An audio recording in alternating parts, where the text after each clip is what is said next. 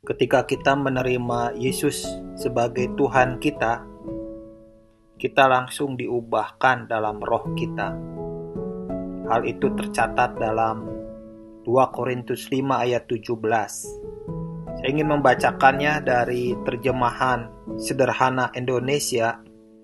Ayat ini mengatakan, yang penting waktu seseorang bersatu dengan Kristus, ia sudah menjadi ciptaan baru.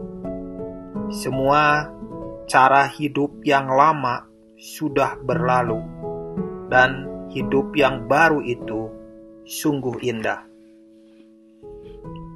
Perkara yang penting setelah kita terima Kristus adalah perubahan di dalam, bukan di jiwa, tapi di roh. Dan itu adalah satu kehidupan yang dari Tuhan, yang sebelumnya kita tidak pernah punya.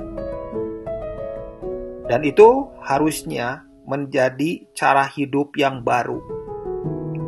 Cara hidup yang baru ini tidak sama dengan cara hidup yang lama. Kenapa? Karena cara hidup yang baru ini berkaitan erat dengan Tuhan.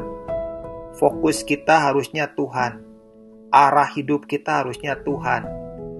Dan itu semuanya berkaitan dengan kekekalan. Bukan dengan hal-hal fisik, bukan dengan hal-hal duniawi, apalagi dengan hal-hal kedagingan.